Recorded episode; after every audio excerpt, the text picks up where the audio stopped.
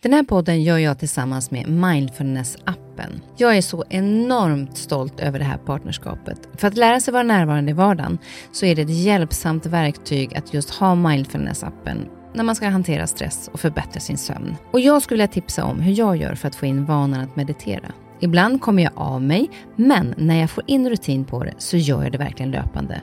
Och det jag gör då, det är att jag mediterar samma tid och på samma plats varje dag. Börja hellre med någon minut varje dag istället för en längre stund och kom in i rutinen och öka sen därefter längden på meditationen. Det har i alla fall funkat för mig. Så jag tycker verkligen att ni ska gå in och testa Mindfulness-appen för det finns så mycket att välja på där. Du lyssnar på en podd från Perfect Day. Välkommen till min podd Nyfiken på.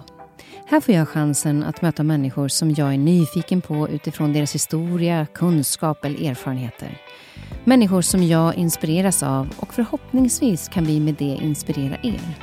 Och om ni gillar avsnittet får ni jättegärna dela det så fler får chansen att lyssna och det ger mig också möjligheten att få spridning på podden så att jag kan fortsätta länge att bjuda in människor till roliga och intressanta samtal.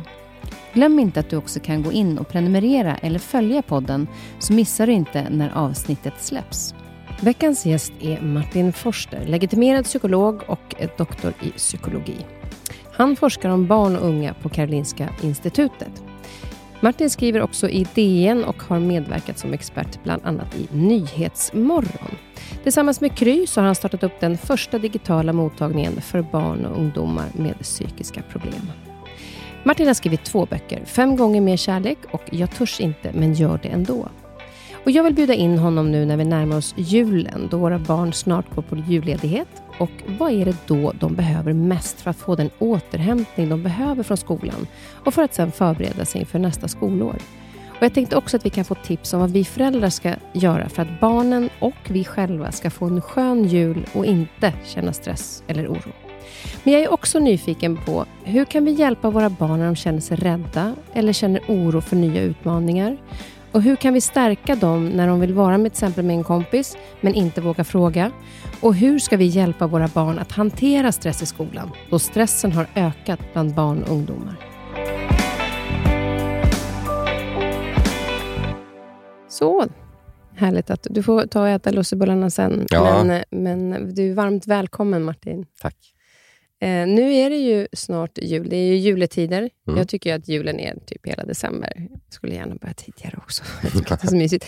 Men eh, då tänkte att vi, eh, det är därför jag bjudit in dig, att vi ska fokusera på barnen den här julen. Mm. Eh, det är ju en tid som kan bli stressig för många, men den är fantastisk för många.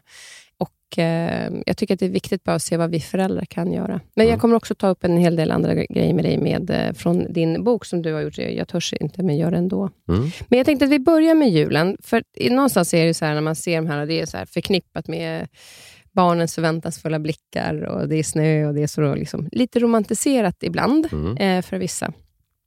Men det här med julsemester och eh, hela den biten. Vad tycker du är det viktigaste att vi ska få våra barn att känna den här tiden?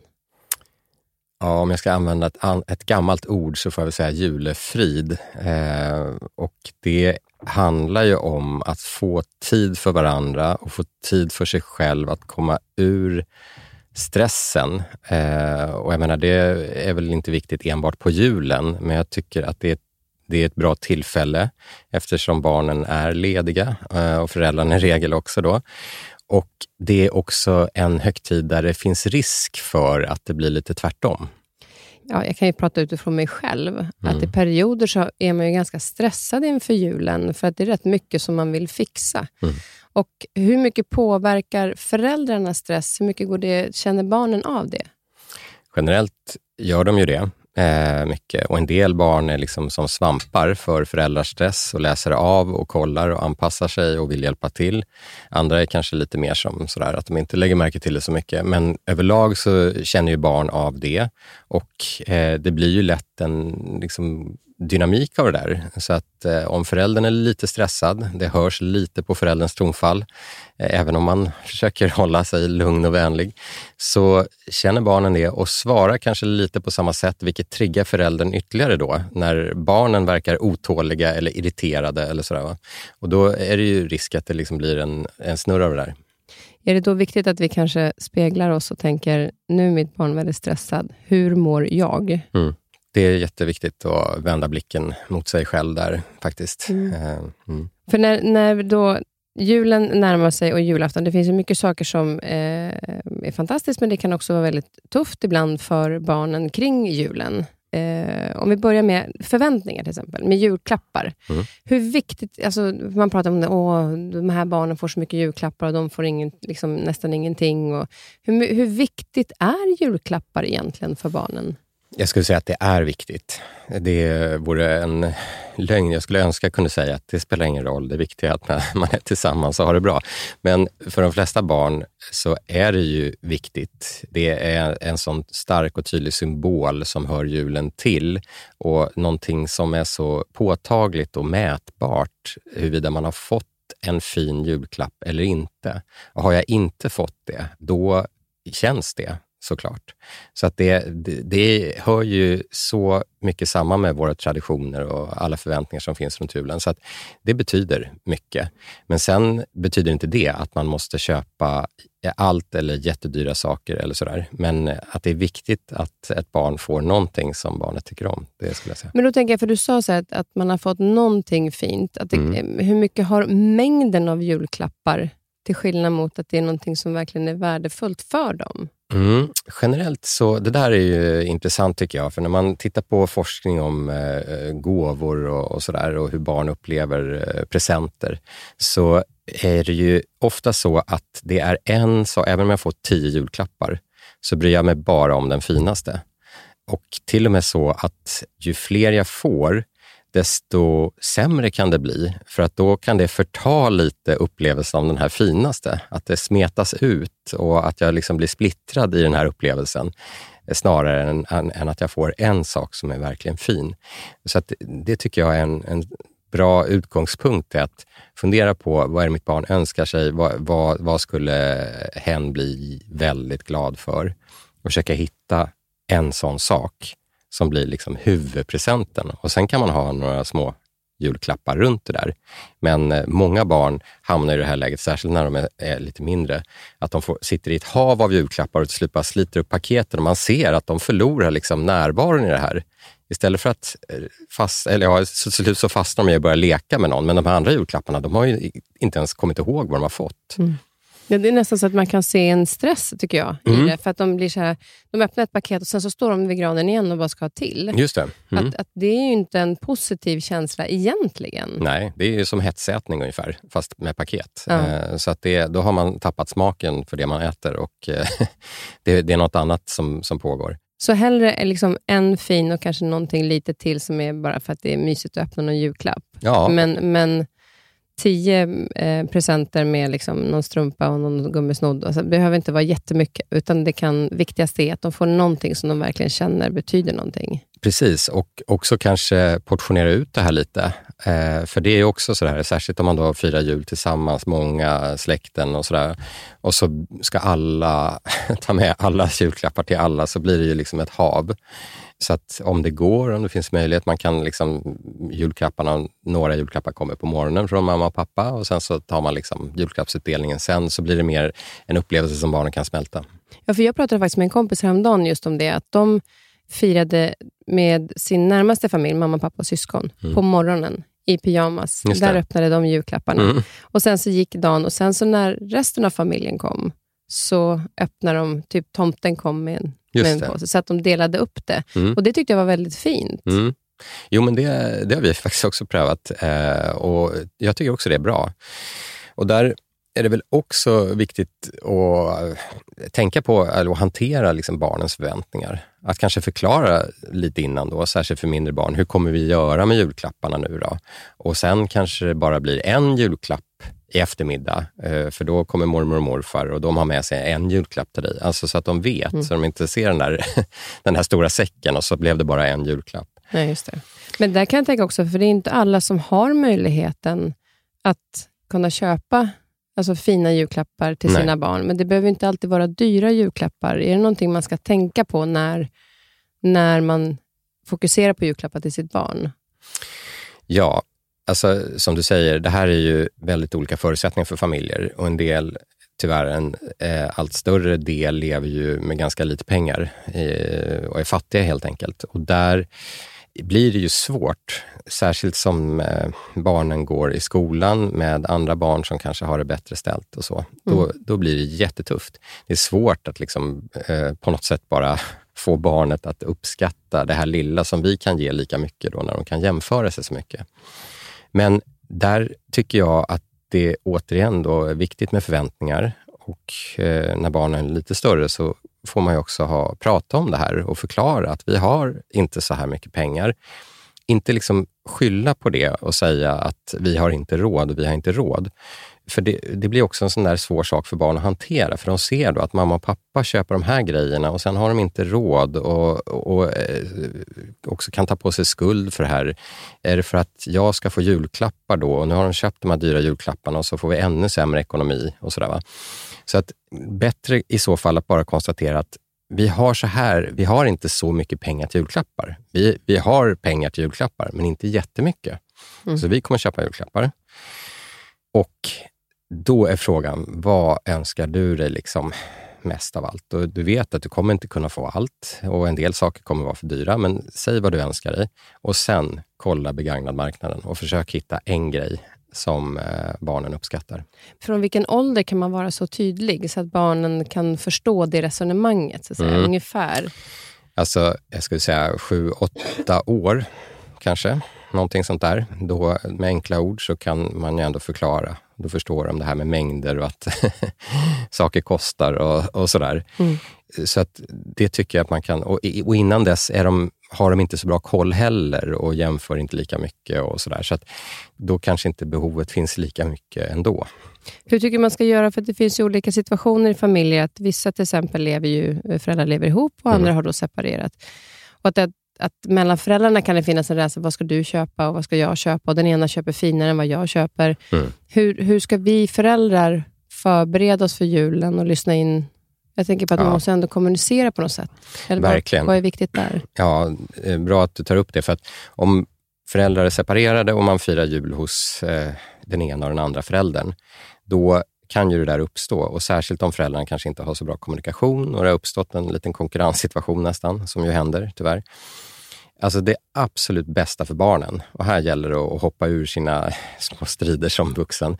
Det absolut bästa för barnen, särskilt runt jul, det är ju om separerade föräldrar verkligen kan komma överens, visa att vi är tillsammans här bakom det här.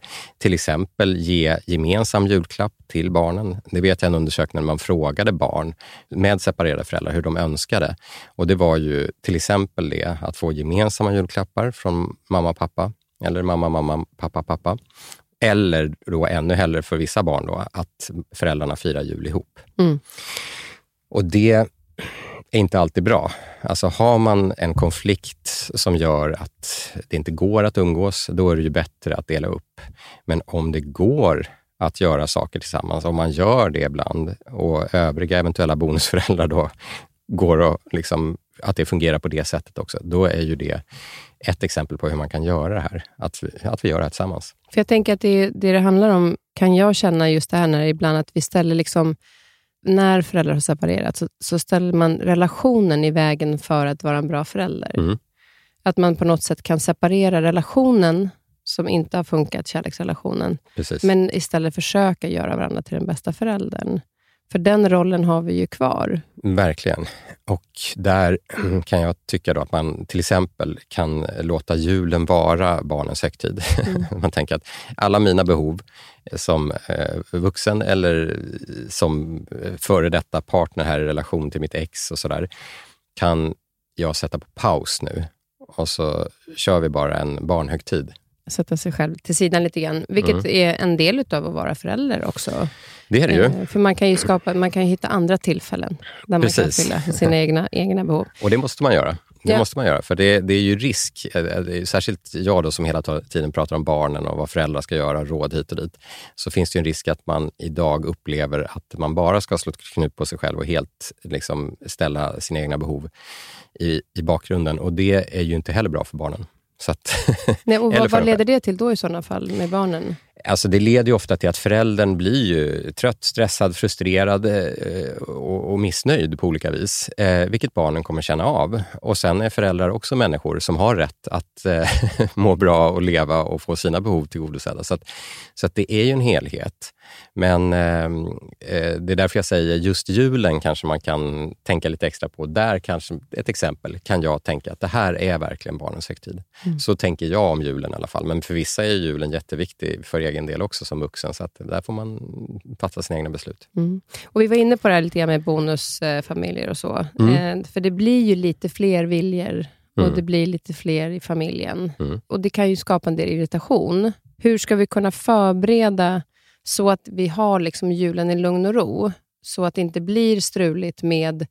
Det kan vara ju allt ifrån att eh, ja, men, dina barn får finare presenter än mina. Alltså mm. Den här konkurrensen, eller att det kommer människor in som man inte riktigt lirar med. Men ja. om man, hur ska man försöka lösa det, så att det inte blir ett problem kring just de här dagarna kring jul?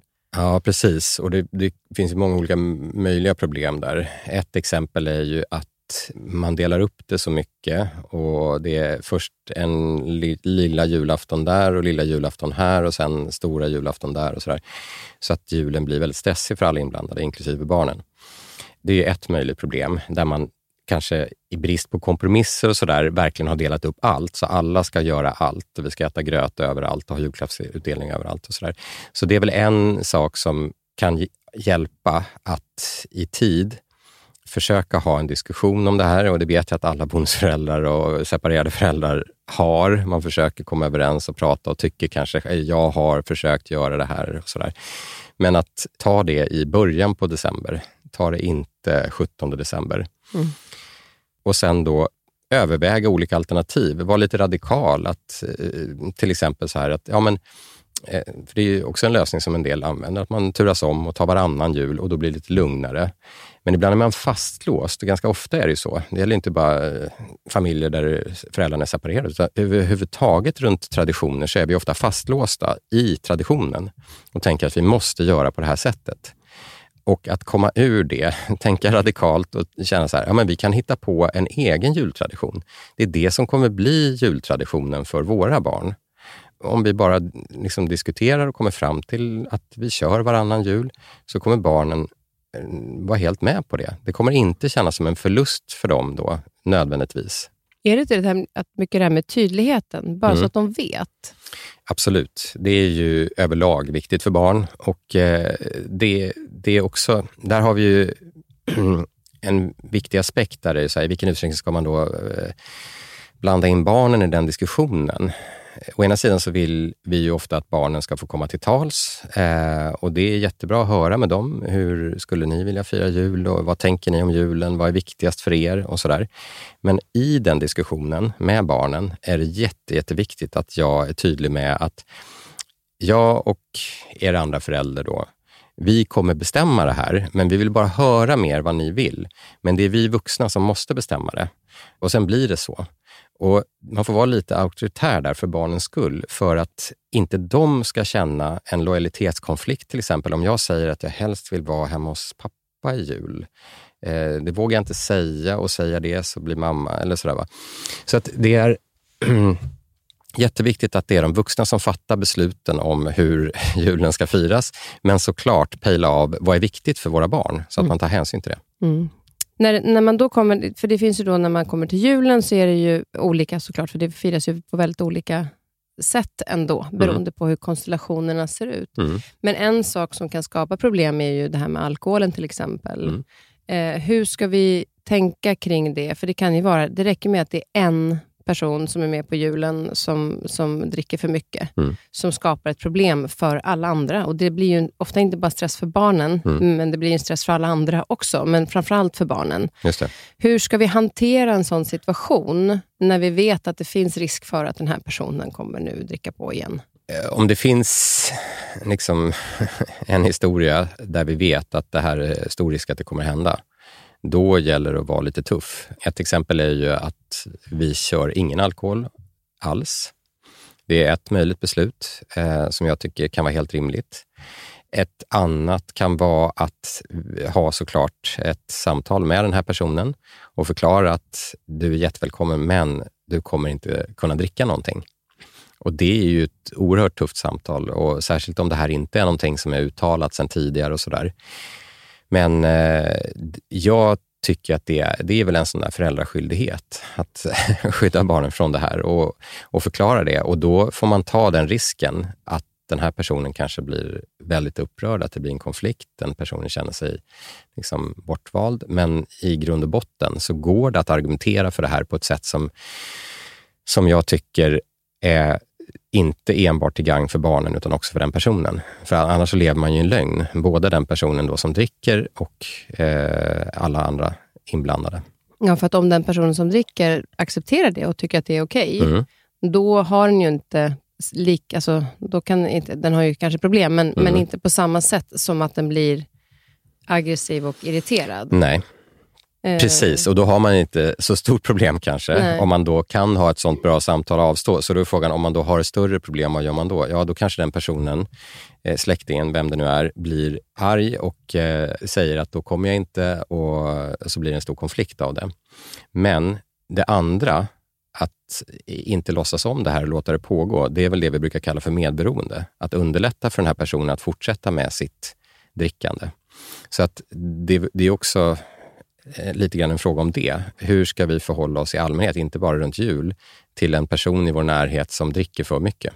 Men det kan ju också vara att det är den andra föräldern, om föräldrarna lever ihop och man vet att den Säg att den, eh, man vet att mamman dricker för mycket, mm. Eh, men man vågar inte det är en irritation, men, mm. men det är känsligt för klart att mamma vill fira jul med sina barn. Ja, då går det inte att säga att annars får du inte komma. Nej, precis. Den är lite svårare mm. kanske. Jättesvår. Och det där tycker jag ju, är ju ett läge där eh, det kan vara aktuellt att, att, söka hjälp i så fall. För jag, om vi utgår från det här exemplet så är det väl troligt att det inte bara förekommer runt jul. Ehm, för att det kan ju kräva helt enkelt en, en insats på något sätt. Mm. Det känns på något mm. sätt att det liksom ofta då kan accelerera lite grann kring julen. Att, mm. att man har haft liksom stressigt inför, så tycker man att nu är jag värd det här. Absolut. Eh, för att nu äntligen är det julefrid. Men det blir ju inte det, när, när man då tar till alkoholen på det sättet. Nej. Precis, och om jag känner att jo, men jag vill kunna dricka så här mycket, jag kanske inte har ett alkoholproblem, men vid enskilda tillfällen kanske jag dricker för mycket på ett sätt som känns oroligt för barnen. Ja, då kanske jag får tillgodose det behovet eh, på något annat sätt när jag är ute med mina kompisar utan barn eller någonting. Mm.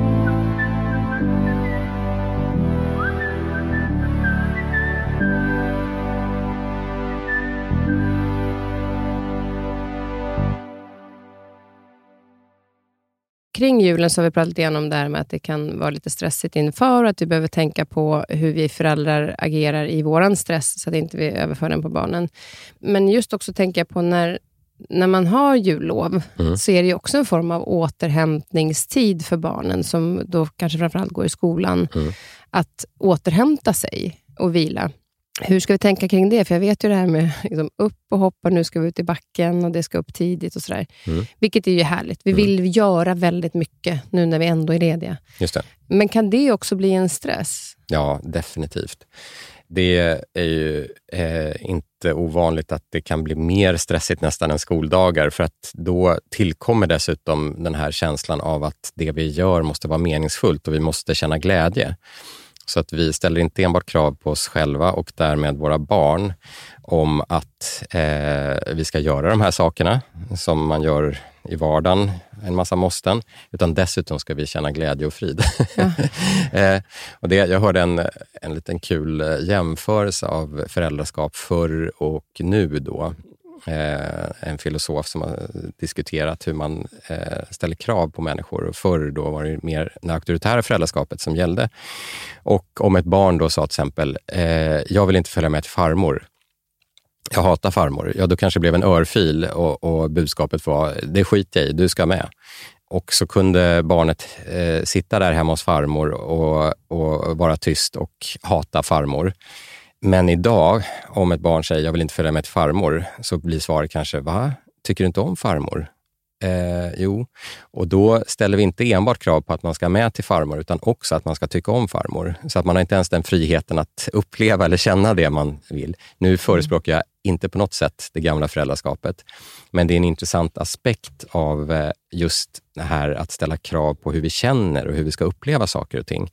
Och det, det finns ju absolut med runt såna här högtider som jul och så, där vi har förväntningar på hur vi ska uppleva saker. Så ett sånt här jultips som jag kan skicka med, det är ju att lägga in en dag utan några planer alls, där alla i familjen får göra precis det de vill.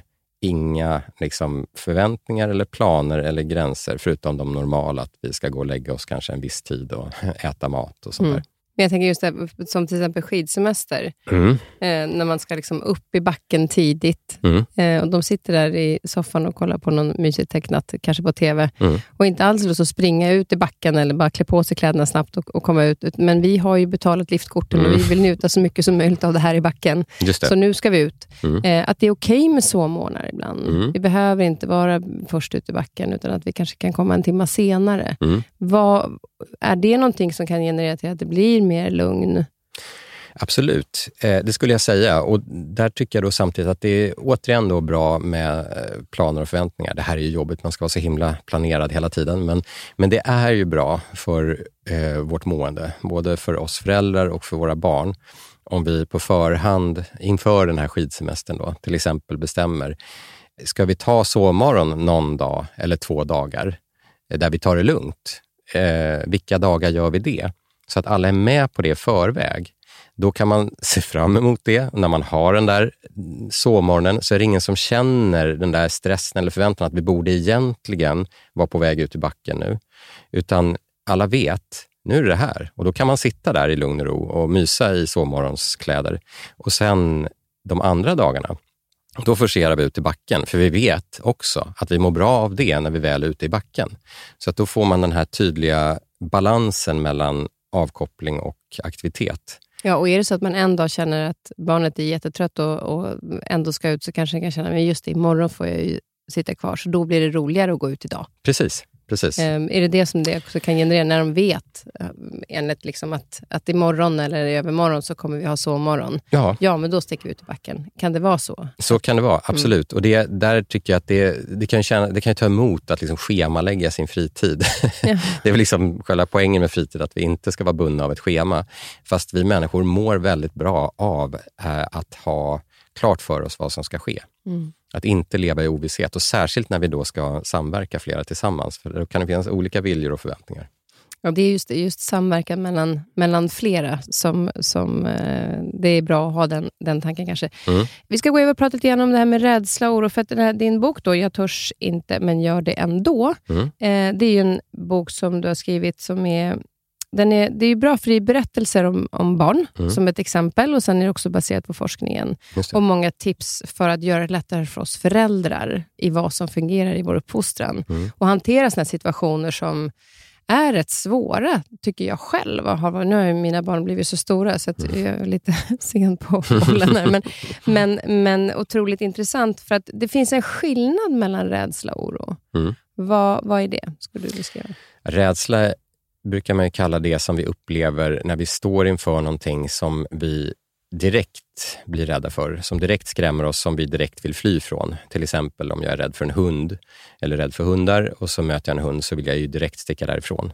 Och Det blir mer påtaglig och omedelbar och ofta starkare då känsla. En oro som är mer det här malande, att oroa sig i förväg för någonting som ska hända. Eh, så det rör sig mer om tankar och grubblerier inför saker eller efter saker. Att jag har gjort någonting och grämer mig över det som hände. Så att då mal de tankarna på. När det gäller oro där, när, när de kanske känner då, som du säger, i förväg för mm. Det är ju inte alltid kanske barnen säger att jag känner mig orolig för det här. Nej. Vilka signaler kan vi se hos våra barn att de går med en oro? Mm. Eh, ja, eh, ofta så är det ju att de blir mer inbundna och eh, slutna och mer svårtillgängliga. Eh, så man kan se det liksom mycket i avsaknad, brist på den här kanske pigga, glada beteendet som mitt barn annars brukar ha. Så försvinner det och så sjunker barnet ihop och ibland, som du säger, säger inte barnen det här, uttrycker inte sin oro. Ibland kanske de inte har uttryckt det ens för sig själva, utan det kan vara mer eller mindre omedvetet, så de vet att de ska till tandläkaren imorgon och det där hänger med dem på något sätt, den här eh, skrämmande händelsen som väntar och, och att de då eh, blir lite eh, stukade av det. Hur ska vi möta dem i det, när vi märker att barnet kanske har skiftat i humöret på det sättet? Ja, och där tycker jag ju, om det är oro inför tandläkaren som jag nyss tog som exempel, så är det ju inte så kanske mycket att göra mer än att försöka prata om det. Och, för det är ju en sak som ska göras och det är naturligt att vara orolig inför sådana saker och det går över när man har varit hos tandläkaren. Men det är väl viktigare då i så fall att möta en oro som är mer långvarig och som kanske handlar om hur det är i skolan med skolarbetet, om jag ofta känner stress och oro över det, eller om eh, det handlar om kompisar, någonting som är pågående och mer långvarigt så är det ju viktigare att fånga upp det eh, och försöka hjälpa barnet och lösa de här problemen. Och där är det ju tyvärr ofta så att när vi ställer frågan till våra barn, eh, vad tänker du på? Du verkar lite orolig, så säger de ingenting. Exakt vad jag tänkte på. Det är ja. så att de kanske vill berätta hemma att de känner en oro i skolan? Nej, verkligen inte. Eh, och I synnerhet inte när det gäller skolan. För att det är ju ofta barn känner att de inte vill att föräldrarna ska liksom, genast ringa upp läraren eller ännu mindre då eh, ringa upp några andra föräldrar eller prata med någon kompis om problemet det handlar om och sådär. Så att de vill ju de kan känna sig lite brända där och det, det är väl egentligen det som är det viktigaste för oss som föräldrar att lära oss av det. Vad är det som gör att barnen då så ogärna vill berätta för oss? Eh, dels så är det i allmänhet jobbigt att prata om problem för alla människor, de flesta av oss i alla fall tycker så. Men också har det att göra med hur har det tagits emot när jag har gjort det tidigare? Jag väljer ju kanske att ta upp, barn väljer ju ofta, lite äldre barn i alla fall, att prata med problem med andra kompisar, hellre än föräldrar kanske. Mm, hur kommer det sig då? För att det tas emot på ett annat sätt. Eh, det kommer inte, för att problemet är ju just det att om jag tar upp ett problem med min förälder och min förälder då går i taket och börjar liksom, nu ska jag ringa runt. Det är ju såklart någonting som inte borgar för att jag kommer vilja ta upp det här igen. Men även om min förälder kanske inte reagerar på det sättet, utan bara att min förälder själv blir väldigt orolig och säger så här, oj, oj, oj, vänta, nu måste du berätta mer, det här låter inte alls bra. Eh, så blir ju det också jobbigt, för då måste jag bära förälderns oro också. Nu har jag gjort min förälder orolig här. Så att eh, det, det bästa sättet att få våra barn att berätta om problem och oro och andra saker som, som bekymrar dem, det är ju att försöka ta emot det här på ett sätt som gör det lätt att fortsätta att berätta i stunden och nästa gång. Och hur, vilket sätt är det då? Att vara så lugn som möjligt. Att bara lyssna, inte värdera, inte säga, inte börja problemlösa, inte heller reagera för starkt känslomässigt. Eh, och såklart om det är, mitt barn berättar saker som verkligen oroar mig, då kan jag inte bara begrava de känslorna helt och hållet. De kommer synas ändå. Men att åtminstone fundera över hur jag uttrycker det. Och en, en sak att hålla sig fast vid där, det är att inte prata så mycket själv, utan att bara fortsätta att fråga och visa förståelse. Mm. Det är det som i regel gör att vi människor vill berätta. Vi kan tänka själva. Om jag har ett problem som vuxen nu, vem vänder jag mig till i min bekantskapskrets eller i min familj? Vem är det som jag helst går till eller ringer upp? Och hur beter sig den personen? Hur brukar den personen svara? Ofta är det en person som verkligen lyssnar. Mm. Är det då typ frågeställningen att, man, att om barnet berättar, att man säger, men hur upplever du det då? Ja. Eh, kän, hur känns det? Ja. Vad skulle du vilja göra?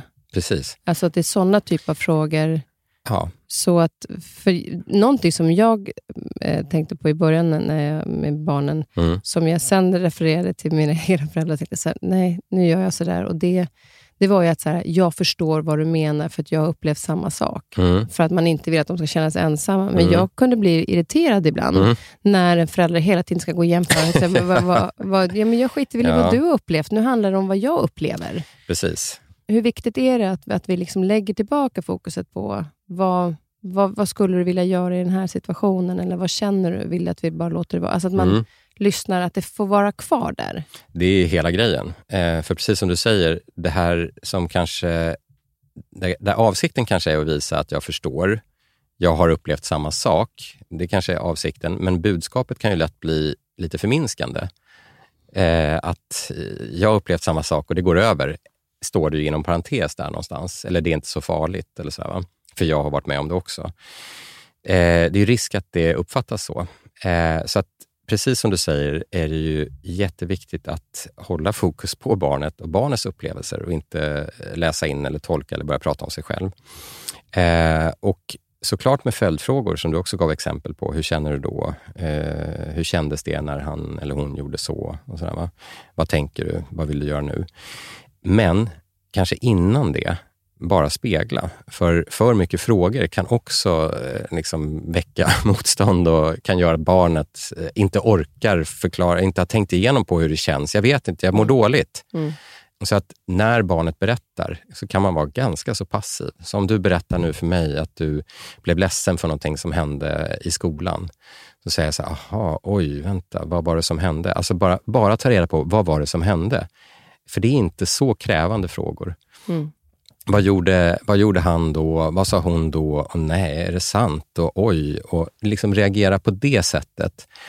Är det eh, okej okay också att säga att till exempel att jag förstår att du är ledsen? Ja, absolut. Och det är okej? Okay. Det är okej. Okay. Och det, är, det, där är ju en grundläggande sån här relationsfärdighet som man inom psykologin brukar kalla för validering. Att validera någons känsla. Och när vi ska validera någons känsla, om du berättar för mig att jag blev ledsen för någonting, så nummer ett, lyssna och förstå så att jag faktiskt fattar vad var det som hände. Vad var det som gjorde att du blev ledsen? Jaha, det var det jag sa där. Eh, Okej, okay, nu, nu vet jag varför du blev ledsen. För om jag inte gör det, om jag hoppar över det steget, då kan jag inte bekräfta din känsla. För då kommer inte du tro på mig, för jag vet ju inte vad det handlar om. Jag fattar ju inte.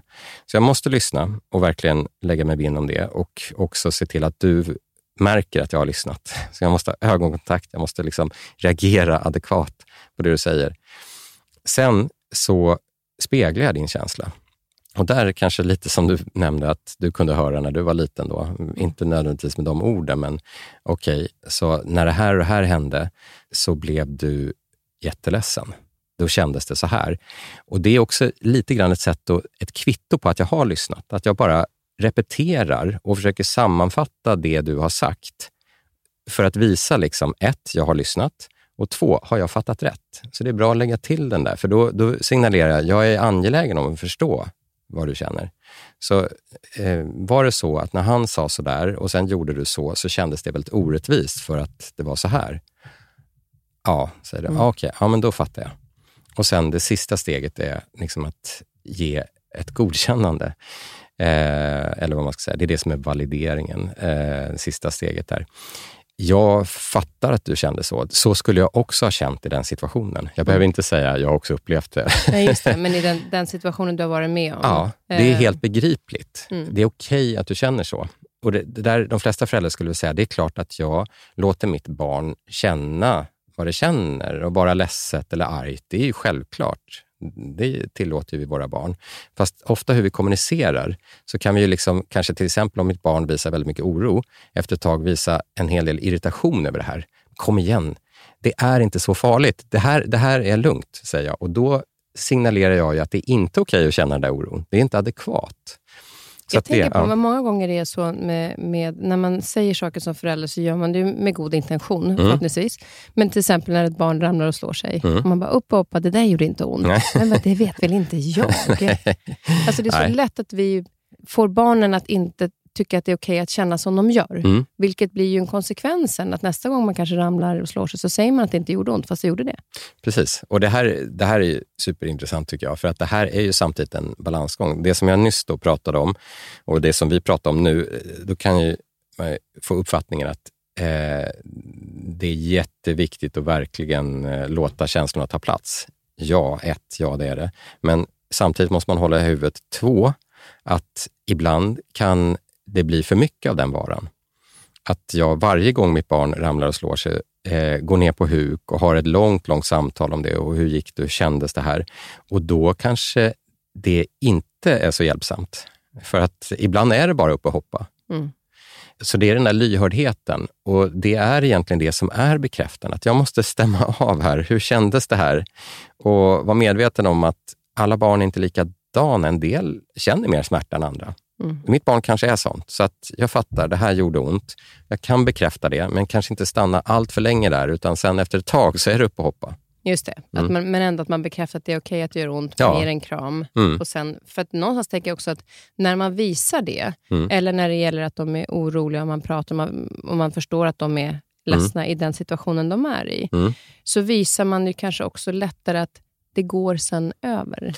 Precis, det går sen över och ibland vill barn ha en utväg. Om de är förtvivlade, arga, särskilt då om de är arga och frustrerade, man har en konflikt och det, man bara har låst sig i, i, i mataffären och de kommer inte vidare och sådär.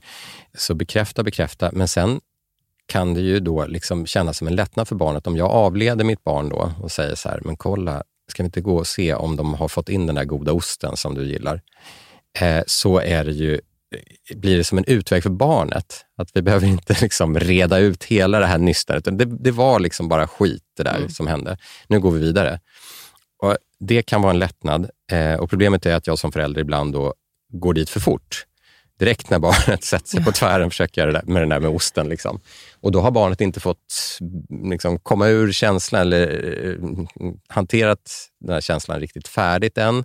För tidigt, balansgång nu vidare. Mm. Det, Men ja. där kanske man också märker att de inte är klara där än. Nej, man kan precis. ju testa det och säga att om jag avleder barnet nu, mm. hur reagerar barnet då? Precis. Ja, ja, jag vill ha osten. Då var det kanske inte... Då var ju smärtan över, eller det mm. som gjorde ont. Mm. Men om den fortfarande är kvar i det så kanske det gjorde ondare än vad man mm. från början trodde. Just det.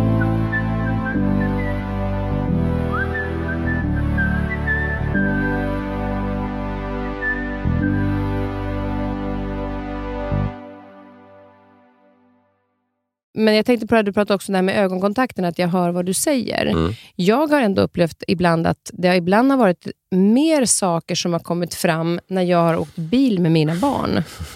när de inte ser min ögonkontakt. Mm. Utan vi sitter i bilen, lyssnar på musik och plötsligt så kommer det saker. Mm. Kan det finnas någonting i det också, att det är lättare ibland att prata när någon inte sitter och tittar på mig hela tiden? Absolut. Absolut. Det är jättebra att du tar upp det, för att det är ju eh, någonting som kan upplevas som ganska krävande också. Någon som sitter och stirrar, och liksom, det är som en psykolog nästan, mm. sitter och nickar och väntar på svaret. Så att jag, eh, återigen lyhördheten och testa vad är det som funkar för mitt barn. Vad är det som verkar göra att mitt barn vill berätta saker för mig och lära mig av det. För jag tänker att det kan ju vara, man behöver inte sitta i en bil, men just att man kanske står och bakar eller mm. gör någonting och ja. så kommer det där, för då blir det inte så himla stort fokus och så stort från början. Absolut, och det gäller ju överlag kommunikation med barn, tycker jag. Eh, mm. Även om det inte handlar om att barnet mår dåligt eller ledset eller någonting, utan bara den här vanliga frågan, hur var det i skolan idag? Och om jag då har satt mig ner med mitt barn och eh, försöker ha den dialogen så är det ju sällan det kommer fram så mycket, utan det är ju i aktiviteter eller annat, någon bisats bara. Hur är det med, hur är det med Emma nu? Var hon i skolan idag? Och så bla bla, och så kommer det liksom någonting. Mm. Ja, det är intressant. Det är mm. väldigt spännande när man plötsligt märker så här, gud nu börjar de prata. Ja. eh, och sen vara kvar i det. Och inte, och då blir, jag kan ju bli så himla glad då, mm. så jag får nästan hålla band ja. på mig själv. att så här, nu ska jag ta det lugnt här. Precis. Låta det komma av sig själv lite mer. Liksom. Men så, jag tänkte, mm. förlåt, bara, men det här med, med rädslan också. Mm. För jag tänkte vi skulle ta den att Häromdagen så var jag tillsammans med några goda vänner mm. eh, och deras son, det var massor med barn som var med och så var det en kille på sex år där de större barnen säger till honom att det finns zombies. Mm. Han blev helt hysterisk sen. Och dagen efteråt så satt jag, vi höll på att julpynta, jag sitter på knä och så att han var liksom... Och då så sa han det, då tittade han på mig och så bara, det finns zombies. Och så sa jag, men de är ju bara påhittade på film. Och han blev så arg. Mm. Inte så här, inte för, men han blev så här, nej, nej, nej, det finns, de sa det. Mm. Och sen den här otroliga skräcken som han kände. Och då var jag så här, men de, alltså vad, vad gör man i den situationen när barnen blir så otroligt skräckslagna över någonting för att få dem att släppa den bilden de har fått av de här, till exempel mm. då, som han då blev rädd för zombies? Ja, det där är ett intressant exempel, för det är, det är lite knepigare när det gäller den typen av rädslor för saker som inte finns. Om, om, det, om man är rädd för någonting som finns, hundar, så eh, kan vi ju förstås börja närma oss det och lära oss att de är inte så farliga som det kanske känns. Men zombies, hur ska vi närma oss det då? Ja, en möjlighet till att han då höll fast vid det här att nej, nej, nej, de finns, är ju att det här liksom snabba sättet att försöka ställa saker till rätta och förklara att de finns inte, kanske han inte riktigt tror på. Och att det bara blir just avfärdat då. Eh, och då är det ingen som tar hand om det här. För tänk om de finns och så säger de bara att det inte finns. Hur ska jag göra då? Eh, så att ett sätt att närma sig det är ju att okej, okay, men då måste vi gräva vidare här och ta reda på det. Hur kan vi ta reda på om det stämmer eller inte? Mm. Forska i det. Liksom. Och det kan man göra till en viss punkt. För det finns en risk där också att man gör det för mycket och gräver ner sig och ju mer man liksom tar reda på om det här och läser, desto mer fylls huvudet av eh, fakta om zombies mm. och, och rädslan kan snarast förstärka. Men liksom, ändå när barnet är rädd för spöken, zombies, saker som inte finns, försök att liksom bara ta reda på fakta tillsammans, mm. Eh, steg ett. Om det här ändå hänger i och barnet inte blir tryggt med den där faktan, utan fortfarande, men tänk om det ändå finns. Så försök att gå vidare med vardagen och liksom, eh, inte låta det där ta så stort utrymme. Eh, och eh, det är ju, den typen av rädslor går ju alltid över, så att det, det kan man ju känna sig trygg med. Men det kan ju vara jättejobbigt här och då och det kan sitta i ett tag. Så att då kan man ju också prata med barnet, hur ska vi då göra? Hur ska vi hantera det här? då? Vad ska vi ha för knep när du känner att du blir så här rädd för zombies? Eh, hur kan du skydda dig? Mm. och då är det lite grann ungefär som den gamla klassikern Monstret i garderoben. Ja, ska man då ha garderobsdörren öppen eller stängd? För om vi, om vi säger då att vi går med på att stänga garderoben, för tänk om det finns ett monster där, då går vi ju med i barnets fantasivärld och förstärker vi inte då rädslan? Ja, på sätt och vis är det kanske så, men samtidigt så, så får vi kanske gå med på den lite grann. Okej, okay, du är rädd för zombies, du är orolig för att det finns. Jag tror inte på zombies, det kan jag vara tydlig med. Mm. Men, men du tror att det finns. Så är det. Okej, okay, och hur ska du då skydda dig mot det då? Och gå med lite i fantasin och hitta de här, om vi lägger en klubba bredvid sängen, så om det kommer en zombie så vet du vad du ska göra. Eller vi kan ha liksom en liten ringklocka vid sängen, så kan du ringa på oss om det skulle komma en zombie. Lite så här trygghetsknep mm. eh, som, som eh, i regel kanske är dåligt när man ska hantera rädslor. Men när det gäller sådana där fantasirädslor så kan barn behöva lite sådana där kryckor att hålla sig fast vid och kan känna sig trygga med. Just det, för det, det är ju så att det är så lätt att man säger nej, nej, men de finns inte. Fast mm. barnen är ju så otroligt uppfyllda av den här bilden de har fått framför sig, så det går ju inte ens... Nej. Och då nästan, som du säger, då, att då ska man hellre gå med lite grann. Okej, okay, men vad händer om de nu skulle... Precis, för då, då bemöter man ju deras rädsla med, med respekt. Återigen, det med validering. Ja, okay. mm. och, och, så att jag förstår det här och hur ska vi lösa det? Och då jag minns när jag var liten så var jag livrädd, för jag växte upp under kalla kriget och eh, för eh, att det skulle komma atombomber såklart. Och eh, då gick jag runt mycket och oroade mig för det där och hur ska man skydda sig mot det? Sådär. Och så hittade jag i skogen bakom vårt hus en gigantisk sten som man kunde krypa under och hade hittat lösningen. Då, om det kommer, så kryper jag under den här stenen, för den är ju så stor, så att det här kommer ju vara, då kommer jag klara mig. Och det blev liksom, då släppte det där, för då hade jag hittat en lösning. Är det lite så att vi har den, den från eh, långt bak, typ savannentiden, att, att man har, okej, okay, vad är det värsta som kan hända? Mm. Man, har, man förbereder sig för det, för att man ska överleva. Så är det. Och när man har hittat det, mm. så, så stillas eh, oron? Ja, eh, inte alltid tyvärr. Ibland så blir det där en del av problemet. Att jag hela tiden försöker leta efter mer och mer trygghet mm. och hitta mer och mer lösningar. Och till slut så är min tillvaro ganska begränsad på grund av alla skyddsmurar jag har satt upp runt mig själv och är, är någonting som snarast driver den här oron framåt. Och då behöver jag istället utmana mig och märka att jag behöver inte den där stenen, jag klarar mig ändå. Jag behöver inte alla de här grejerna jag håller på med, utan jag, jag kan vara fri. Så att när man har hittat lösningen så har man den, men sen kan man utmana sig i att jag kan släppa den lösningen. Precis. Precis. Och det, där kan du, det är ju det som är grunden i att övervinna all rädsla och oro egentligen. Att eh, på ett eller annat sätt så måste jag möta det här, utmana den här rädslan och möta det som skrämmer mig och uppleva att det var inte så farligt som mm. jag trodde. Och det spelar ingen roll, där gör ju vi som föräldrar ofta då en sak som inte är så hjälpsam, nämligen att försöka med ord övertyga våra barn om att det är inte farligt. Zombies finns inte, eller det är en jätteliten risk att det kommer bli eh, kärnvapenkrig, eller vad vi nu säger. Det, du behöver inte oroa dig. Problemet är ju att rädsla är ju en mer grundläggande upplevelse som har att göra med liksom delar av vår hjärna som inte eh, som, som föreligger förnuftet. Så att vi känner först rädslan, sen kommer vi koppla på tankar om den här känslan. Så enda sättet att övervinna en rädsla eller en oro är att faktiskt uppleva det. Att erfara att det var inte så farligt. Det spelar ingen roll vad folk har sagt. Men, men eh, det jag tänkte också vi skulle gå in på är ju någonting som också finns i och för sig i rädsla och oro. Det är ju den här stressen, men, mm. men att man tar det steget vidare. För att nu, vad jag har förstått, så har ju stressen ökat bland ungdomar, till exempel i skolan. Mm. Vad är det, du som kan det här med forskningen och så, vad är det man tror att det beror på? Att det faktiskt har ökat? Ja, det här är ju någonting som man ser globalt i många länder. Ehm, man ser det i våra, våra nordiska grannländer också.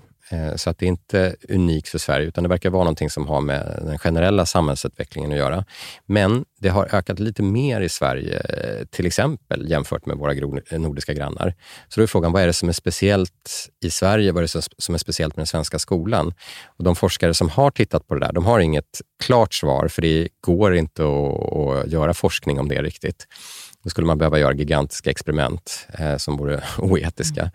Men man kan ändå titta på samband och vad är det som har hänt över tid och när uppstod det här? Och då har man ju några såna här möjliga kandidater till eh, orsaker och det är ju ett, att svenska skolan har ju förändrats mer än eh, i många andra länder, skolor i många andra länder. På vilket sätt då? Till att börja med kommunaliserade skolan då, på 80-talet. Och det var ju någonstans där som den psykiska ohälsan började öka också. Eh, vilket innebar en stor förändring i hur skolor fungerade och också en, en ojämlikhet där i vissa kommuner funkar det bättre än andra. Sen har vi friskolereformen och sen har vi till sist då eh, problemet med det svenska betygssystemet som har ändrats fler gånger än eh, i en del andra länder. Då. Och där det nuvarande betygssystemet som ju håller på att ändras är ju ett system som ingen tycker är bra, inte ens de som utvecklar det. Mm. Eh, så det är väl en möjlig förklaring, att svenska skolan har Eh, gått igenom fler förändringar, många förändringar som har bidragit till stressen och att betyg då har kommit, eh, tillkommit och numera i, i alla fall en del skolor ges från årskurs fyra är en sak som också kan bidra. Så det, det, blir en del, för nu är det så att de håller på att ändra betygssystemet igen. Mm. Eh, vilket kanske är positivt den här gången. Ja, eh, vad säger du? jo det tror jag. Eh, en del av de förändringar som man inför eh, verkar vara liksom ett direkt svar på de här problemen som fanns med. Vad är det största problemet med det betygssystem vi har haft, att det har skapat hos uh, ungdomar? Upplevelsen av att min framtid står på spel vid varje enskilt prov jag gör i skolan. Eh, om jag inte skriver A på det här provet så är jag körd. Då har jag ingen möjlighet att få A på i slutbetyg. Mm. Eh, det är framförallt det. Mm. Eh, och det där är ju, alltså, om man ser det ur ett psykologiskt perspektiv, helt uppåt väggarna att ha ett sånt bedömningssystem. Barn, det är, det är om, om man tänker sig motsvarande i arbetslivet, att du skulle jobba på en arbetsplats där du kontinuerligt testas på olika vis Och om du flunkar på ett av de testen så har det långtgående konsekvenser för hur du då kommer att kunna utvecklas och prestera på ditt arbete. Men, men ja, nu kanske man inte kan gå in på det, men jag är förvånad över att det tar så lång tid att ändra en sån sak som jag tycker man har sett i ganska många år nu. Mm.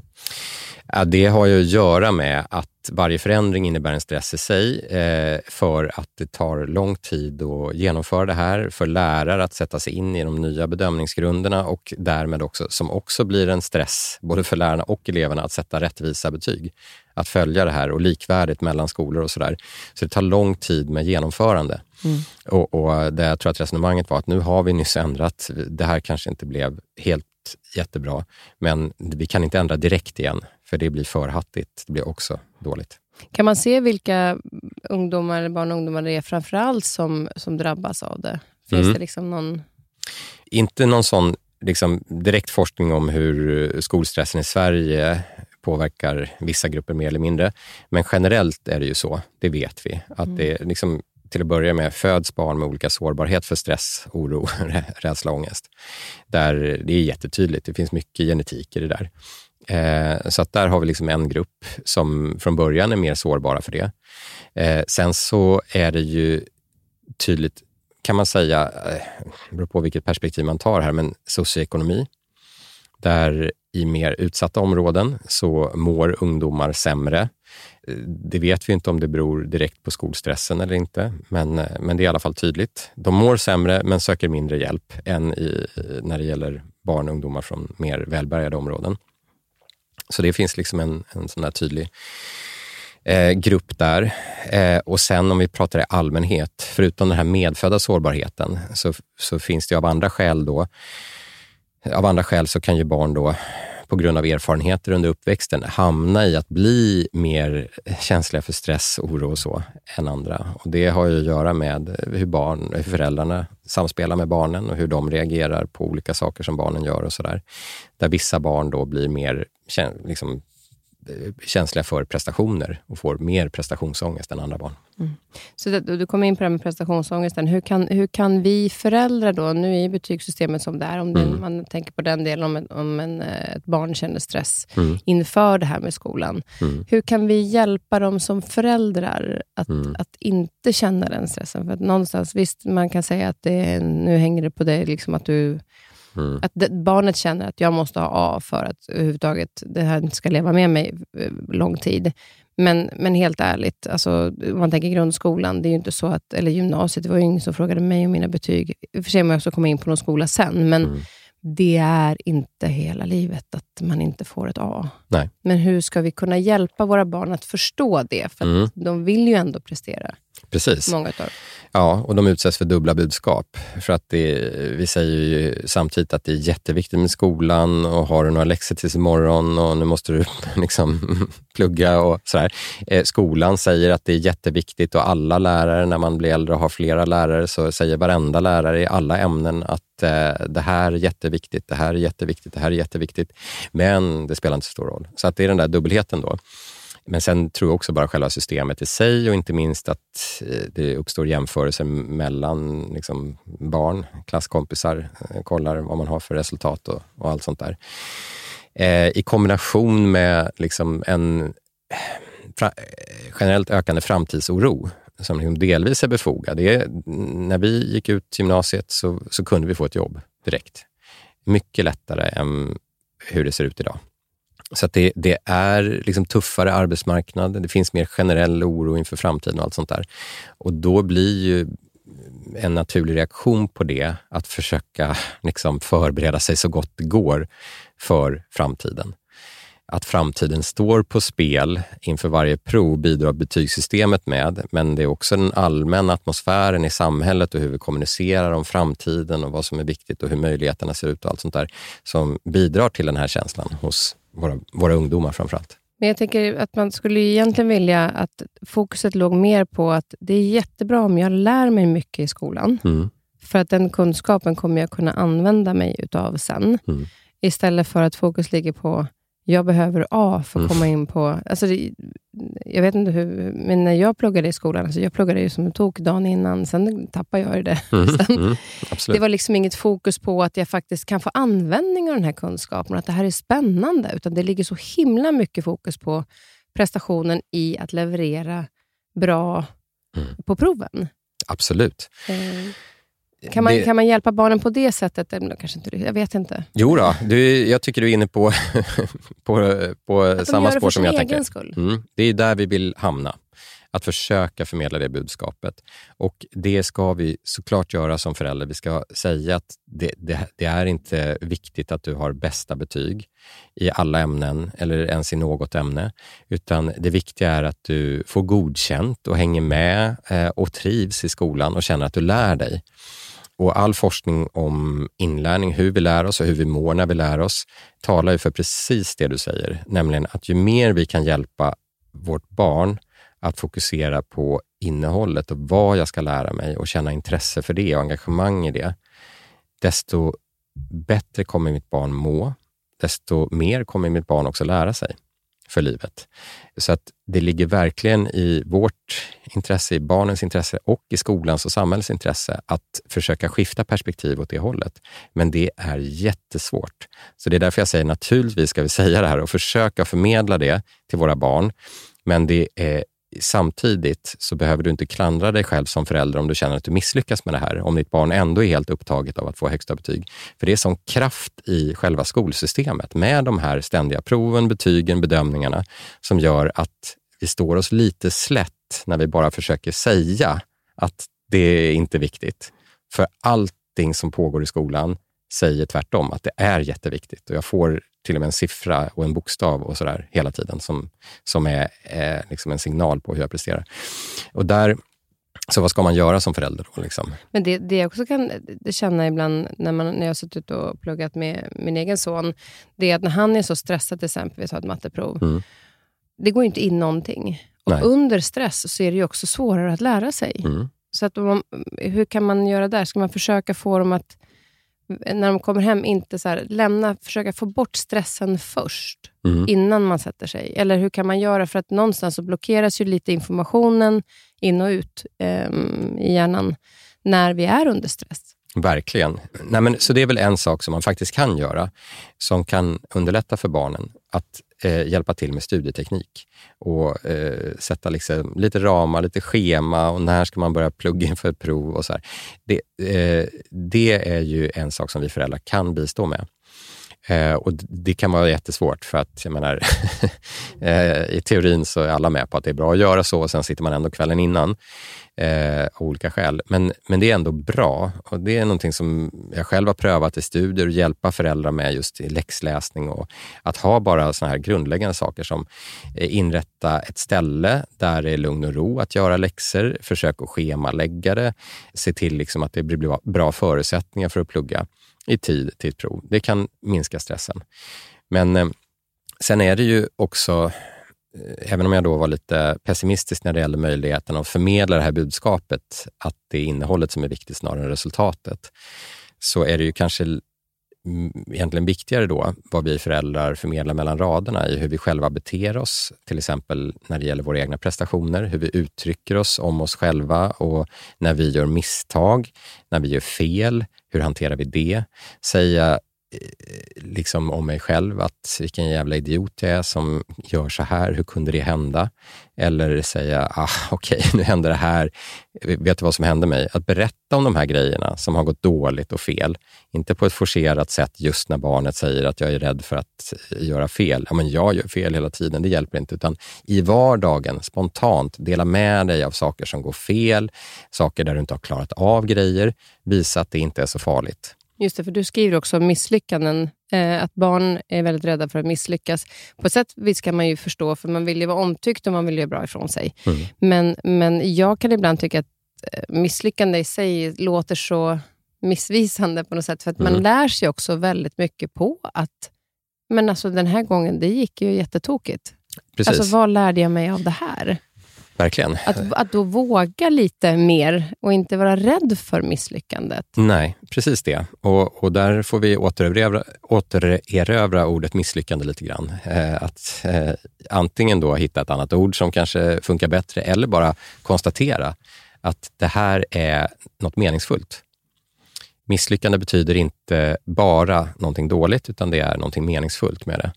Nämligen en möjlighet att lära sig. Så se varje misslyckande som en möjlighet att lära sig. Här finns det potential. Mm. Men det ju, låter ju jättekäckt att säga så. Ja, men jag tänker det. Det är inte många som bara, ja, nu ska jag våga det här för att jag Nej. kan misslyckas. Och så börjar folk skratta. Alltså, det är det där man står och, och pratar inför eh, klassen och sen mm. så är man rädd att misslyckas och så säger man något tokigt och så börjar någon skratta. Mm. Kanske med den, inte åt den. Det vet man ju mm. inte heller. Nej. Men man, barnet upplever att det är åt den. Precis. Eh. Det, så, och det, det är ju svårt att bara prata bort. Men att eh, hjälpa ett barn att kunna erkänna misslyckande genom att själv göra det. Också, hur ska jag göra det om det nu bara blir blackout när du står där och ska prata inför klassen? Hur ska du, eh, vad ska du säga då? Mm. För att det blir ju alltid bättre om den som gör något, presterar, också då kan dela med sig av sina misstag och misslyckanden och, och, och sådär. På alla sätt. Och där, eh, där vet man också att i klassrum där läraren har lyckats etablera en tillåtande attityd till misslyckande, så lär sig barnen mer. Det vill säga att läraren, när något barn gör fel, inte liksom kanske lite sådär välmenande försöker släta över, ja, det, är det någon annan som... Utan direkt bara, okej, okay, du fick det där svaret, berätta, hur kom du fram till det? För då visar man att det här inte är farligt. Vi ger det här utrymme och vi lär oss av det här. Det här var intressant. Hur tänkte du? och sådär. Det är lyhördhet som krävs där såklart. Men när lärare lyckas etablera det, att vi delar med oss av våra misstag, vi pratar om dem och vi försöker fundera på hur man ska eh, göra så att det inte blir fel. Då lär sig barnen mer mm. och mår bättre. Ja, och sen kan jag också känna så att vad skönt om Eh, nu har ju många frågar, eftersom jag jobbar med en del med direktsändningar, de är så här, är inte rädd för att säga fel? Mm. Det var jag jätterädd för i början. Mm. Men sen när jag såg andra som kunde säga fel och rättade till det lite, jag bara, det där blev ju tokigt. Mm. Och så fortsatte jag, gud vad skönt, vad mänskligt. Ja. Att jag hade önskat att jag hade haft det redan i skolan och att man, som du säger lite grann, precis det du rekommenderar, att om du får en blackout, mm. vad, nu kommer jag inte ihåg vad jag skulle säga. Vart var jag någonstans? Mm. För det, också tänkte att det är tillåtande, för då kan man också, för sin egen del framförallt eh, som barn, men också visa andra mm. samtidigt att jag gjorde, kommer inte ihåg det här, så det gör ingenting om inte du kommer ihåg nästa gång. Alltså det blir lite den signalen. Mm. Att det är okej okay att göra fel. Ja, precis.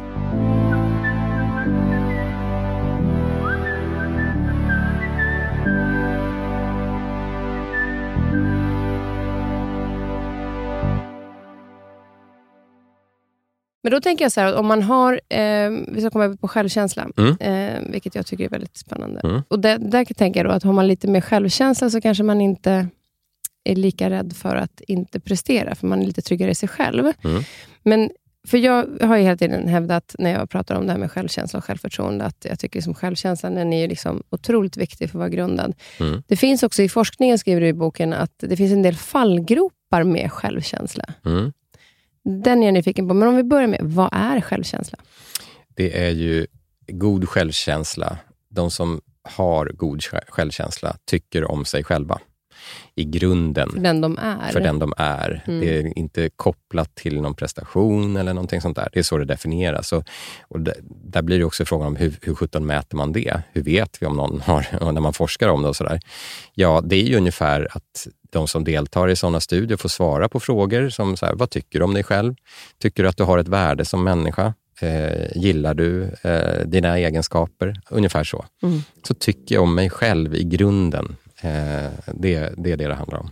Men vad finns det för, för fallgropar där? För jag tänker att det är ju toppen om man har bra självkänsla. Det är toppen och jag, det är ingen fallgrop i sig med att ha god självkänsla. Eh, fallgropen är att eftersom många av oss, inklusive, inklusive forskarvärlden, uppfattar att självkänsla är viktigt för hur vi mår och utvecklas, så vill vi ibland ta genvägar för att boosta självkänslan. och till exempel eh, försöka peppa våra barn till att tycka om sig själva mer eller tycka om sig själva villkorslöst och sådär. Och det är väl det som kan bli en fallgrop. Vad händer då? då? Att det kan eh, leda till... Dels så kan det vara en fallgrop om, barnet inte alls, om det här inte alls rimmar med barnets upplevelse. Då är vi tillbaka till det här med validering. Att det blir inte så validerande om barnet säger jag, jag, jag är värdelös, jag tycker inte om mig själv. Eller som min dotter sa till mig någon gång när hon var fyra år på förskolan, bara rent, helt plötsligt, inget sammanhang, så säger hon så här, jag är inte rolig. Eh, jag blev förvånad, vad är det här? Var kom det ifrån? Jag är inte rolig. Jaha, eh, vänta, vad sa du? Är det inte roligt? sa jag. Nej, jag är inte rolig. Jaha, är det någon som har sagt det? Jag tänkte, det måste bara vara någonting som hon upprepar. Nej, jag är inte rolig. Simon är rolig. Det är hennes bror. Då. Jaha, sa jag så här. Och vad gör jag som förälder då? Jag vill ju bara rusa fram och säga, jag, jag tycker du är jätterolig. ja, exakt. och jag tycker det. eh, jag vill korrigera det här, för det är en feluppfattning. Men problemet är då att jag då går med på att liksom diskutera det här ens. Huruvida hon är rolig eller inte. Och om jag fortsätter att försöka övertyga henne om att hon är rolig, det så rimmar inte med hennes upplevelse. Utan eh, då måste jag kanske lyssna lite mer då och ta reda på vad är det hon menar och vad är det som har hänt och varför känner hon så här nu och sådär.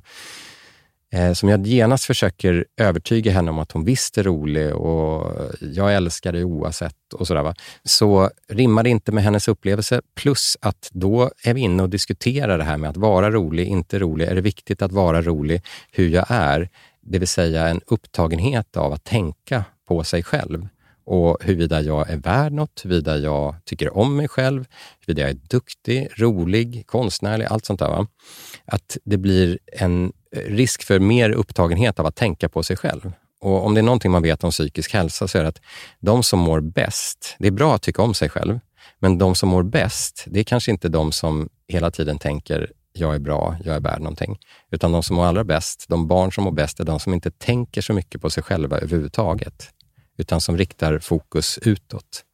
Som mår bra, som de, känner. De bara är. De bara är. Och skulle jag pressa dem, om de tvingades formulera sig, så här, vad tycker du om dig själv? Jag vet inte, jag har inte tänkt på det. Det är väl liksom ett sundhetstecken. Mm. Och det är väl det som egentligen är fallgropen med våra sätt att ibland försöka boosta eller peppa upp, få barn att tycka eller känna på ett visst sätt om sig själva. Och det där jag tänker, Du sa just det här med att det var då lilla, eller syster och bror där. Mm. Att det blir en, ofta en jämförelse mellan syskon. Mm. Eh, är hon yngre? Hon är yngre. Ja. Mm. Eh, för många gånger ser jag den yngre kanske jämför sig med den äldre. Mm. Och Den tycker jag är jättesvår. Ja. Alltså han är en person och du är en annan. Mm. Hur, hur kan man hjälpa barn som jämför sig, oavsett om det är en syskon eller med andra, mm. att då, då, för då har de ju lagt fokus på alla andra och inte ja. sig själva. Nej, de har lagt fokus på, på andra på ett sätt, men det är ju i relation till dem själva. Mm. De jämför sig. Mm. Så att om de verkligen skulle liksom rikta uppmärksamheten utåt och mot andra så vore det ju att engagera sig fullt ut i eh, vad min bror tycker, tänker, säger till mig nu och inte tänka på vad det betyder för mig.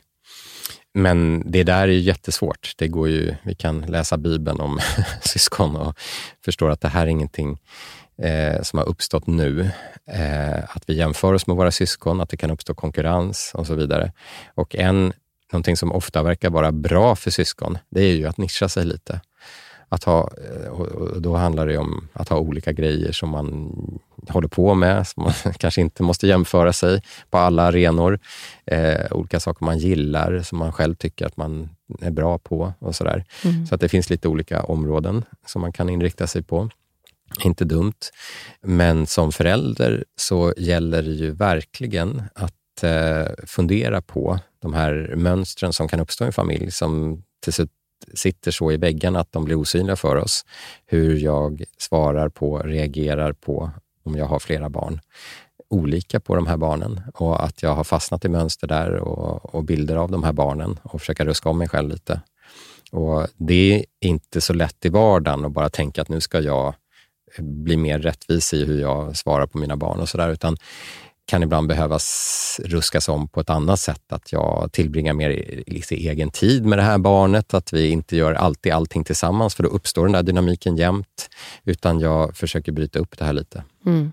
Och det där är otroligt intressant. Men om man då ska titta på hur man om man nu ska, vill hjälpa barnen med självkänslan, mm. eh, att inte då peppa dem för mycket, för det, alltså det kan gå emot det de själva just sitter i. Mm. Hur, hur kan vi göra för att hjälpa till på rätt mm. sätt när det gäller självkänslan? Nej, men precis, och det, det, är ju det som också är en del av budskapet som jag kanske försökte uttrycka förut. Eh, att det finns inte någon genväg där till att barn ska må bra ha god självkänsla. Vi kan se självkänslan som ett slags kvitto på att man har det bra i livet. Om jag tycker om mig själv utan att tänka för mycket på det, så är det kvitto på att jag har det bra. Och vad är då att ha det bra? Ja, men det, det är några såna grundläggande behov hos barn och det är en av de mer centrala är såklart relationer. Och det är ju den villkorslösa kärleken, att känna att jag, min förälder är intresserad av vad jag gör, av vad jag tänker och tycker om saker, eh, vill tillbringa tid med mig utan att alltid ha ett ärende. Eh, sådana saker. Så att det, är, det vet vi. Det bidrar till att barn mår bra och utvecklas och funkar bättre i kamratrelationer, presterar bättre i skolan. Så här. Om man har den där tryggheten. Och det är väl det som du, mm. Eh, bara ett annat sätt att uttrycka det du sa förut, tycker jag. Mm. Så att relationerna är ju jätteviktiga där. Och eh, där med tiden då, när barnen blir äldre, så blir kompisarna lika viktigare och kanske viktigare än relationen med föräldrarna. Och ibland i forskning om självkänsla så kan man se att det är nästan ett liksom direkt, rakt samband. Det jag tycker om mig själv beror jättemycket på vad jag tror att andra tycker om mig, mina kompisar tycker om mig, hur jag upplever det. Och ibland så har jag ju fel uppfattning och får för mig att de tycker och tänker en massa saker. Men ibland är det ju faktiskt så att jag har en tuff kompissituation. Jag kanske är ensam. Jag kanske till och med är utfryst eller mobbad och så. Och då är det ju en adekvat känsla, kan man nästan säga. Eh, det är ju inte en känsla som vi vill ska finnas eller försvara, men det är inte konstigt att någon har låg självkänsla om man har en sån situation. Nej, och där tänker jag på just det här när de känner sig utfrysta och inte delaktiga. Den här snapkartan mm. som, som ja, ja, ja. barn mm. går in och tittar på, mm. så kan de ju se att ja, nu alla mina kompisar där, de är där, men ingen har frågat mig. Precis. Alltså jag blir galen på den här kartan. Ja. Eh, och, och, alltså, det blir just när det gäller utanförskap, mm. att det är så lätt. Jag, när jag var liten, jag hade ju ingen aning om mina... Det är klart att de ska få umgås med andra också, att jag inte alltid ska vara med, men mm. jag visste ju inte det. Nej. Eller behövde liksom lägga fokus på det. Nej. Jag låg inte hemma i sängen och tittade på den här snapkartan och såg vart alla var. Nu har de samlats allihopa där och här ligger jag själv. Mm. Hur kan vi liksom hjälpa dem i det där uh, utanförskapet, om de känner så? Ja, det har ju blivit tuffare att vara förälder, tack vare till exempel den här utvecklingen. Det är mycket mer vi behöver tänka på. Eh, och hur kan vi hjälpa våra barn med utanförskap, då, som kanske förstärks ytterligare av till exempel sociala medier? Där är det eh, finns en del forskning om just hur föräldrar agerar och hur det kan bidra till att barnen då kan få det bättre eller sämre när det gäller kamrater. Och då är väl en sån här slutsats att coacha barnen i hur de ska göra, om vi säger ett barn som är ensamt som saknar vänner, hur de ska göra för att få vänner och hur de ska liksom bjuda in eller prata eller vara för att liksom få mer vänner. Inte så hjälpsamt. Mm utan kanske till och med negativt då. För att problemet med det är ju att budskapet blir på något sätt att eh, det är någonting som du gör fel nu som gör att du inte har vänner. Du måste göra så här och så här och så här istället. Eh, så det handlar om dig. Och jämför man med en vuxen relation, om jag har en kompis som saknar en partner som vill träffa någon till exempel, som säger jag försöker dejta och så här, men det går inte, så skulle jag inte säga, jag tror att du behöver bli lite charmigare kanske för att få till det där. Utan det är ju en fråga om att eh, liksom istället, vad säger vi till den kompisen? Jo, vi säger fortsätt. Du måste leta på andra ställen. Du träffar fel killar, tjejer. Liksom. Eh, så fortsätt bara att leta så kommer du hitta den rätta, någon som passar dig. Och Det är exakt det som vi ska förmedla till våra barn också. Och i, i, konkret handling handlar det om att jag som förälder kan skapa förutsättningar för fler arenor för mina barn. Eh, om det är tufft i skolan, det kan handla om att jag, jag hittar inte likasinnade där helt enkelt.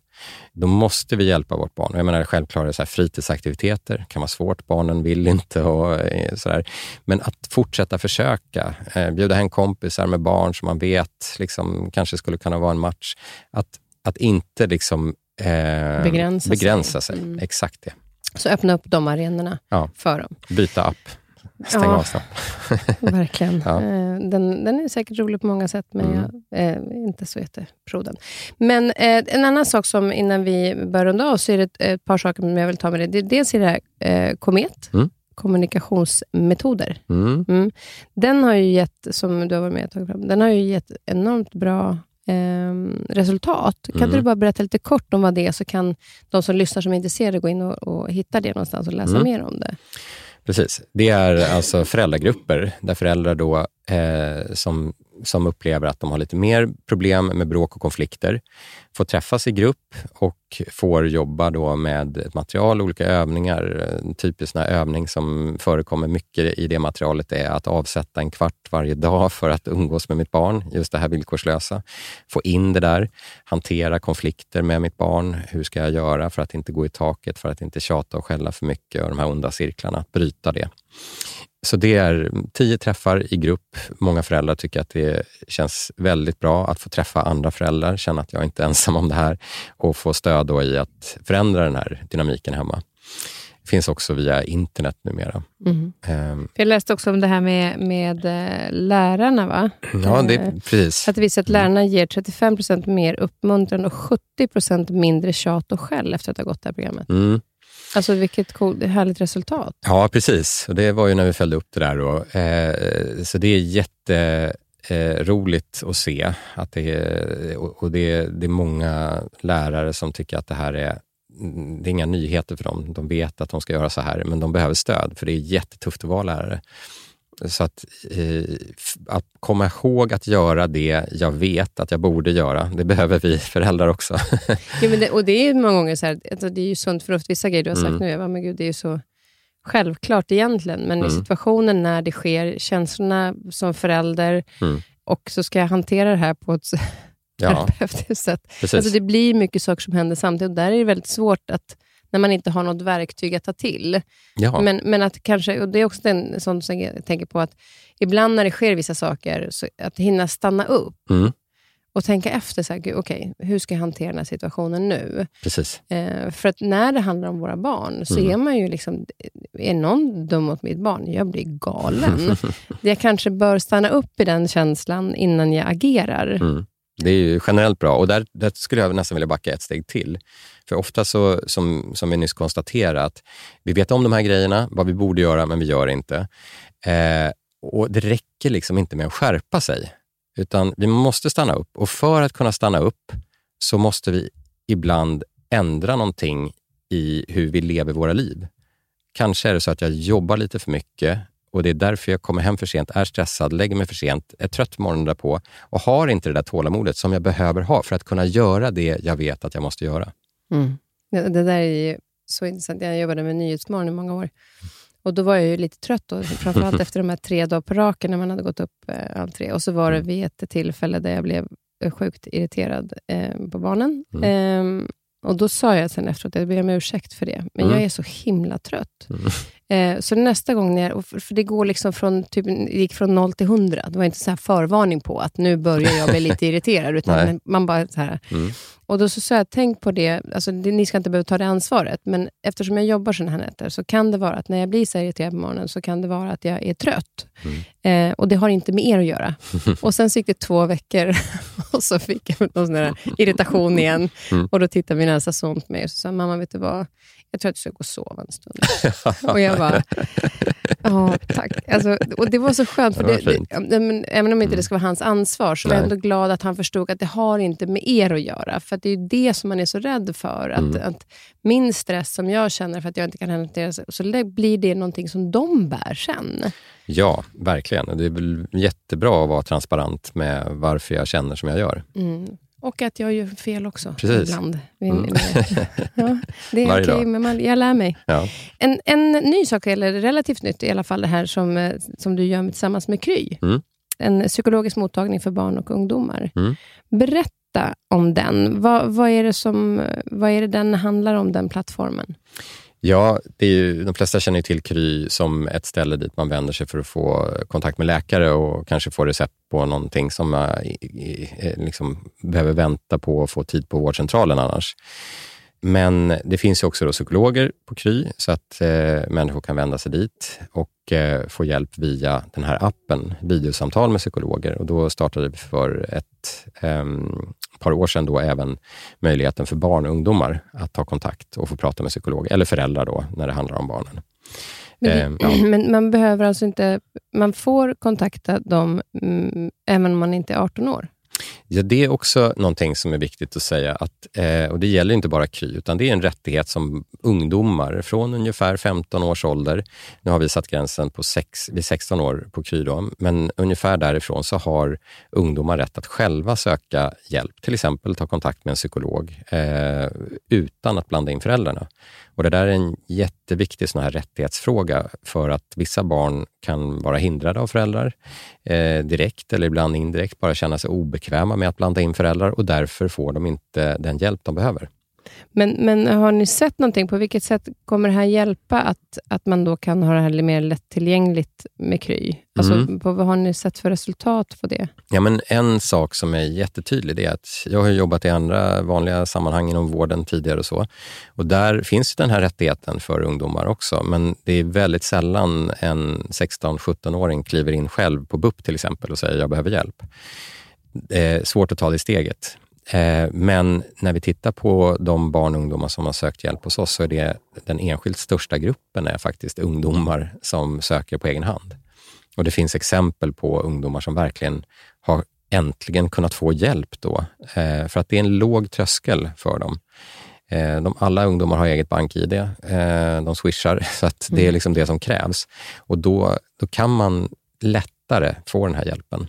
Är det också en fördel att de till exempel kan vara hemma i sitt rum där de är trygga? Eh, att också prata eller att sätta sig på bussen, åka till ett eh, BUP och sätta sig i väntrummet och gå in? Definitivt. Definitivt att det går snabbare. Att den tryggheten betyder mycket också? Ja, det är ju verkligen en sak som också kan göra att en del avstår från att söka hjälp. Att de vill bara inte sitta i det där väntrummet och behöva bli uttittad som de kan uppleva det då. Mm. Så att det, eh, och det, det, här passar liksom inte alla ungdomar. En del vill verkligen gå och prata med någon. Så att det här handlar om komplement, att vi måste liksom hitta olika vägar och särskilt nu när vi ser att den psykiska ohälsan ökar och där det är vissa grupper som vi inte når fram till, så måste vi vidga liksom sätten som ungdomar kan få hjälp på. Jag tror elevhälsan är en annan sån sak som är jätteviktig att, att stärka mm. i det arbetet. Men då hittar man det på den här Kry-appen om man går in där? Ja. ja. Och då är det när det är barn och ungdomar, upp till vilken ålder? Det är upp till 18. 18 man... som regel. Mm. Mm. För ibland kan, jag, ibland kan det bli en lucka, tycker jag, i systemet med de som är unga vuxna. Mm. Till exempel om det gäller ADHD eller ADD. Eller de, mm. Då är de ju barn som är 18, sen är det inte någon som riktigt vet var de, var de ska någonstans, för att de hamnar mellan stolarna. Ja. Men här kan man ändå få den hjälpen om man vill prata. Det är inte så en gräns att nu måste vara 18, för då går man över till vuxen.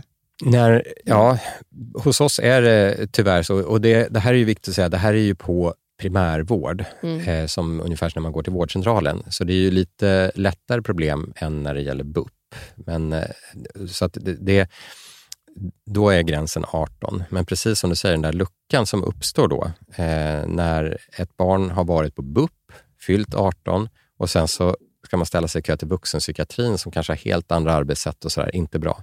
Vissa regioner har gjort det där bra så att man får liksom vara kvar inom BUP, ibland upp till 25 år. så att man har, liksom bryggar över det där på ett bra mm. sätt. Det är en, en, ja, en viktig tanke, men då är mm. ju det här med, med den här digitala plattformen då på, på Kry, att kunna fånga upp kanske ungdomarna tidigare. Yes. Så att de kanske inte ens behöver gå på BUP sen också, utan, utan det kan vara en början i alla fall där. Ja, det är ju ambitionen generellt inom primärvården, att vi ska bli bättre. Det ska finnas mer tillgång till psykolog för unga, för att man inte ska behöva komma till BUP. Mm. Ja, så spännande. Eh, mycket har vi fått lära oss den här timmen av dig. Eh, jag undrar lite grann också vad du är nyfiken på. Ja, ja människor, får jag säga då. kan inte svara något annat. Nej, Nej men jag, jag är ju eh, allätare, verkligen. Eh, så jag, eh, jag kommer ju eh, med glädje då botanisera i listan över alla gäster som du har haft här, som jag förstår eh, är väldigt så olika. Ja, men det, precis. Jag, jag tycker sånt är superkul. Mm. För att det finns ju, någonstans så tycker jag att alltid det finns en intressant historia i varje människa. Mm. Men det, jag tycker att det är roligt ändå, för du, när du började plugga till psykolog, det var ju inte tanken att du skulle bli det egentligen. Nej. nej. Men mm, vad var det? Var det ingenjör? Nej. Ja, precis. Teknisk ingenjör. fysik då började ja. jag på, på KTH. Mm. mm. Och sen blev det av en slump lite grann psykolog. Och sen är det det som har blivit. Vad är det som har gjort mm. att du har blivit så fascinerad över just det när det faktiskt inte var ett intresse från början? Ja, men precis. Och jag kan väl säga att det kanske fortfarande inte är ett superintresse. Jag har ju kollegor som är mer intresserade av psykologi än jag, i den meningen att de kanske läser på om olika teorier eller fördjupar sig i detaljer i psykologin. Jag är ju intresserad av att få eh, saker att funka. Så det är väl ingenjören i mig då. det blir en kombination där. Ja, kanske så. Och jag är ju jätte, jätteintresserad av att kunna liksom, till exempel då se vad är det som inte funkar för våra barn idag? Och hur kan vi få det att funka? Och så vill jag liksom bränga huvudet runt det. Och där är jag ju supernyfiken på eh, olika nya lösningar och infall som kan, som kan hjälpa. Ja, det är spännande. Vad kul. Mm. Du, böckerna som du har heter ju Fem gånger mer kärlek. Jag hade tänkt att prata med den, men det hinner vi inte. Eh, men den, jag tycker titeln i sig själv mm. eh, säger rätt mycket eh, när det gäller våra barn. Mm. Och eh, Jag törs inte, men gör det ändå. Eh, tusen tack för att du kom hit och eh, god jul får jag passa på att säga nu när det snart är jul. Ja, vi ska avsluta detsamma. med en liten låt. Mm. Vilken, vilken låt vill du avsluta med? jag tror att jag fick ju frågan innan och då ja. drog jag bara till. Det är ju inte någon vidare julstämning i den. Eh, men då tar jag byter faktiskt. Du byter? Ja, ja det får du jättegärna Får jag göra det? Jajamän. Då tar vi Fishman's Blues med Waterboys. Tusen tack Martin.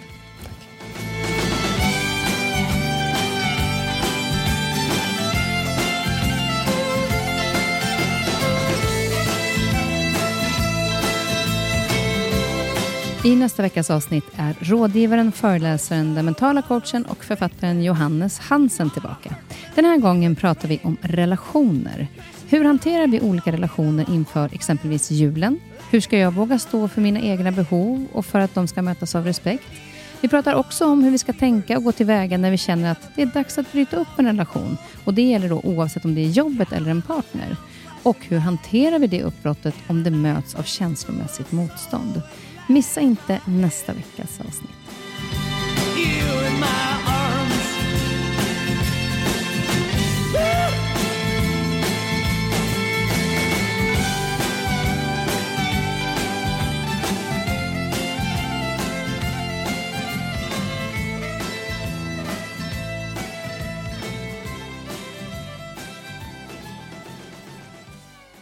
Den här podcasten är producerad av Perfect Day Media.